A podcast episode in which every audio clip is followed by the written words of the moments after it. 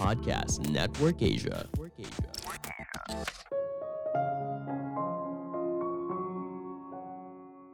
Era digital harus mengubah cara kita berjualan.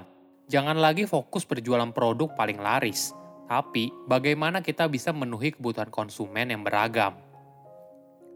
Halo semuanya, nama saya Michael. Selamat datang di podcast saya, Sikutu Buku. Kali ini saya akan bahas buku The Long Tail karya Chris Anderson. Sebagai informasi, podcast Sikutu Buku sekarang bergabung dengan Podcast Network Asia dan Podmetrics loh. Sebelum kita mulai, buat kalian yang mau support podcast ini agar terus berkarya, caranya gampang banget. Kalian cukup klik follow. Dukungan kalian membantu banget supaya kita bisa rutin posting dan bersama-sama belajar di podcast ini. Buku ini membahas pola pikir baru dalam berjualan. Jika di zaman dulu kita fokus menjual barang yang laku keras, namun di era digital ada tren baru yang berbeda Chris menjelaskan paradigma long tail artinya menjual produk untuk konsumen yang spesifik. Jika dilakukan dengan tepat, hal ini justru bisa mendatangkan pelanggan yang jauh lebih banyak daripada kita hanya fokus menjual satu produk yang sukses. Ini adalah masa depan dalam berbisnis. Pebisnis tidak lagi menjual satu produk untuk semua orang, tapi menjual produk dengan varian yang banyak demi memenuhi berbagai konsumen yang berbeda. Saya merangkumnya menjadi tiga hal penting dari buku ini. Pertama, cara berbisnis di era digital. Jika kita melihat sebuah kurva permintaan dalam sebuah industri, produk paling laris pasti akan menghasilkan permintaan paling besar, yang berada pada kepala dari sebuah kurva. Sedangkan produk yang kurang laris akan menghasilkan permintaan yang kecil, berada di ujung sebuah kurva atau dinamakan ekor.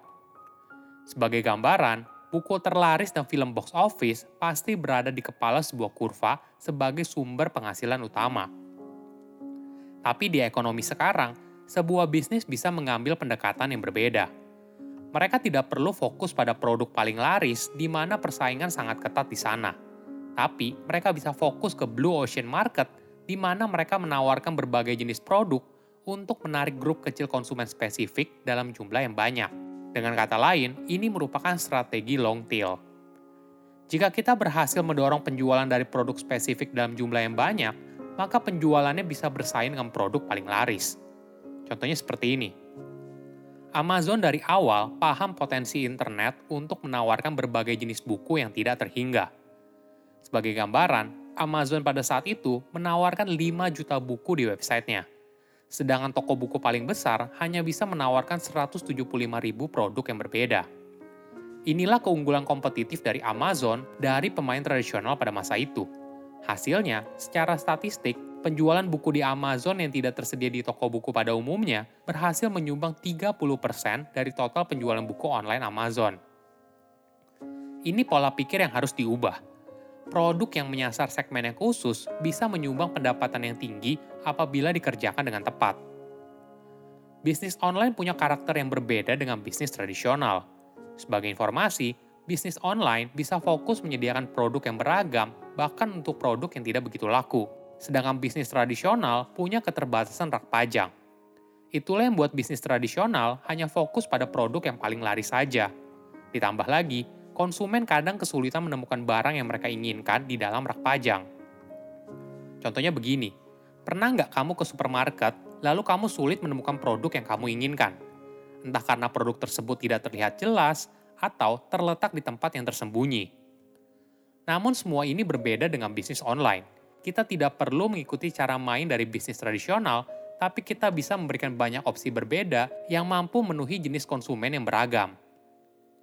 Kedua, setiap orang jadi pembuat konten. Di era digital, semua orang bisa jadi pembuat konten.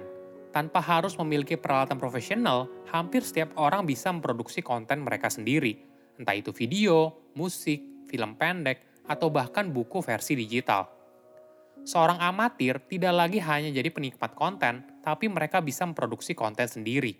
Sebagai gambaran, Wikipedia yang dibuat oleh ribuan kontributor, di mana mayoritasnya merupakan amatir – namun, bersama-sama mereka mampu menciptakan ensiklopedia terbesar sepanjang sejarah.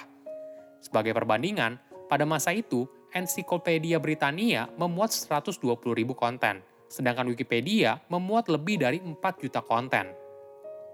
Inilah yang membuat dunia digital mampu memenuhi kebutuhan setiap orang yang spesifik. Namun perlu dipahami, membuat konten hanya baru sebagian pekerjaan yang harus dilakukan. Di sisi lain, seorang pebisnis harus memastikan calon konsumen menemukan apa yang mereka cari, lalu mujuk mereka untuk membeli. Ini dilema di era digital, di mana konten atau informasi yang tersedia semakin berlimpah. Namun, tidak mudah untuk menemukan apa yang kita cari. Nah, di situ pentingnya sebuah agregator. Bayangkan kamu sedang mencari judul buku yang sangat spesifik, lalu kamu mencoba datang ke toko buku terdekat. Ternyata tidak ada. Kamu ke toko buku yang lain, tetap saja tidak ada. Itu adalah dunia sebelum era digital menjadi bagian dalam hidup manusia sekarang, kamu bisa dengan mudah menuliskan apa yang kamu inginkan di website seperti Amazon, Shopee, dan sebagainya. Lalu, kamu akan menemukan apa yang kamu cari. Ketiga, cara menggunakan metode long tail. Mungkin kamu penasaran, apakah metode long tail hanya berlaku bagi perusahaan teknologi atau produk digital saja? Ternyata, metode ini bisa diaplikasikan ke industri lain. Sebagai contoh, Lego mengambil keuntungan dari metode long tail karena melayani ceruk pasar yang spesifik dan mendorong pengguna untuk membuat produk mereka sendiri. Toko online-nya menawarkan lebih dari 1000 produk. 90% di antaranya tidak tersedia untuk dibeli di toko retail tradisional. Selain itu, Lego juga pernah meluncurkan layanan Lego Design by Me atau dulunya dikenal sebagai Lego Factory. Jadi, dengan layanan ini, setiap orang bisa membuat desain dari Lego yang mereka inginkan, mengunggahnya ke website Lego, setelah semuanya selesai, produk tersebut lalu akan dikirimkan ke rumah konsumen. Bahkan, pelanggan Lego yang lain bisa membeli model Lego yang kamu ciptakan. Sebelum programnya dihentikan, Lego telah menjual lebih dari 100.000 kit Lego kepada konsumen. Cara lain untuk mendapatkan manfaat dari long tail adalah menciptakan tempat penyimpanan yang terpusat, ini akan menekan biaya daripada bisnis tradisional yang harus menyebarkan produknya ke berbagai toko fisik. Tentu saja, biaya yang dibutuhkan akan jauh lebih rendah apabila produk yang kamu tawarkan adalah produk digital, misalnya seperti iTunes, Netflix, dan sebagainya. Selain itu, kamu juga bisa menyiapkan berbagai format. Misalnya kamu jual gambar, maka bisa dalam bentuk berbagai resolusi, format gambar seperti PNG, JPEG, dan sebagainya Tips lain adalah kamu harus buat produk yang kamu jual tersedia kapan pun dan di mana pun. Inilah keunggulan dari bisnis online. Sistemnya yang borderless membuat semua orang bisa membeli produk yang kamu jual kapan pun di mana pun, tidak terbatas pada jam operasional toko, lokasi, dan sebagainya. Hal ini tentunya akan menjawab kebutuhan konsumen yang beragam, tapi, apakah toko tradisional bisa seperti toko online apabila mereka menemukan cara untuk menekan harga untuk biaya penyimpanan produk? Ternyata tidak.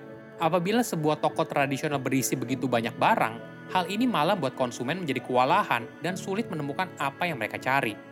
Beda halnya dengan toko online yang memiliki sistem filter untuk menyesuaikan kebutuhan konsumen. Masa depan dalam berjualan bukan hanya berisi produk paling laris, tapi, bagaimana cara kita menjual beragam produk untuk setiap jenis konsumen yang berbeda? Saya undur diri, jangan lupa follow podcast Sikutu Buku. Bye-bye. Pandangan dan opini yang disampaikan oleh kreator podcast, host, dan tamu tidak mencerminkan kebijakan resmi dan bagian dari podcast Network Asia. Setiap konten yang disampaikan mereka di dalam podcast adalah opini mereka sendiri dan tidak bermaksud untuk merugikan agama, grup etnik, perkumpulan, organisasi, perusahaan, perorangan, atau siapa pun dan apa pun.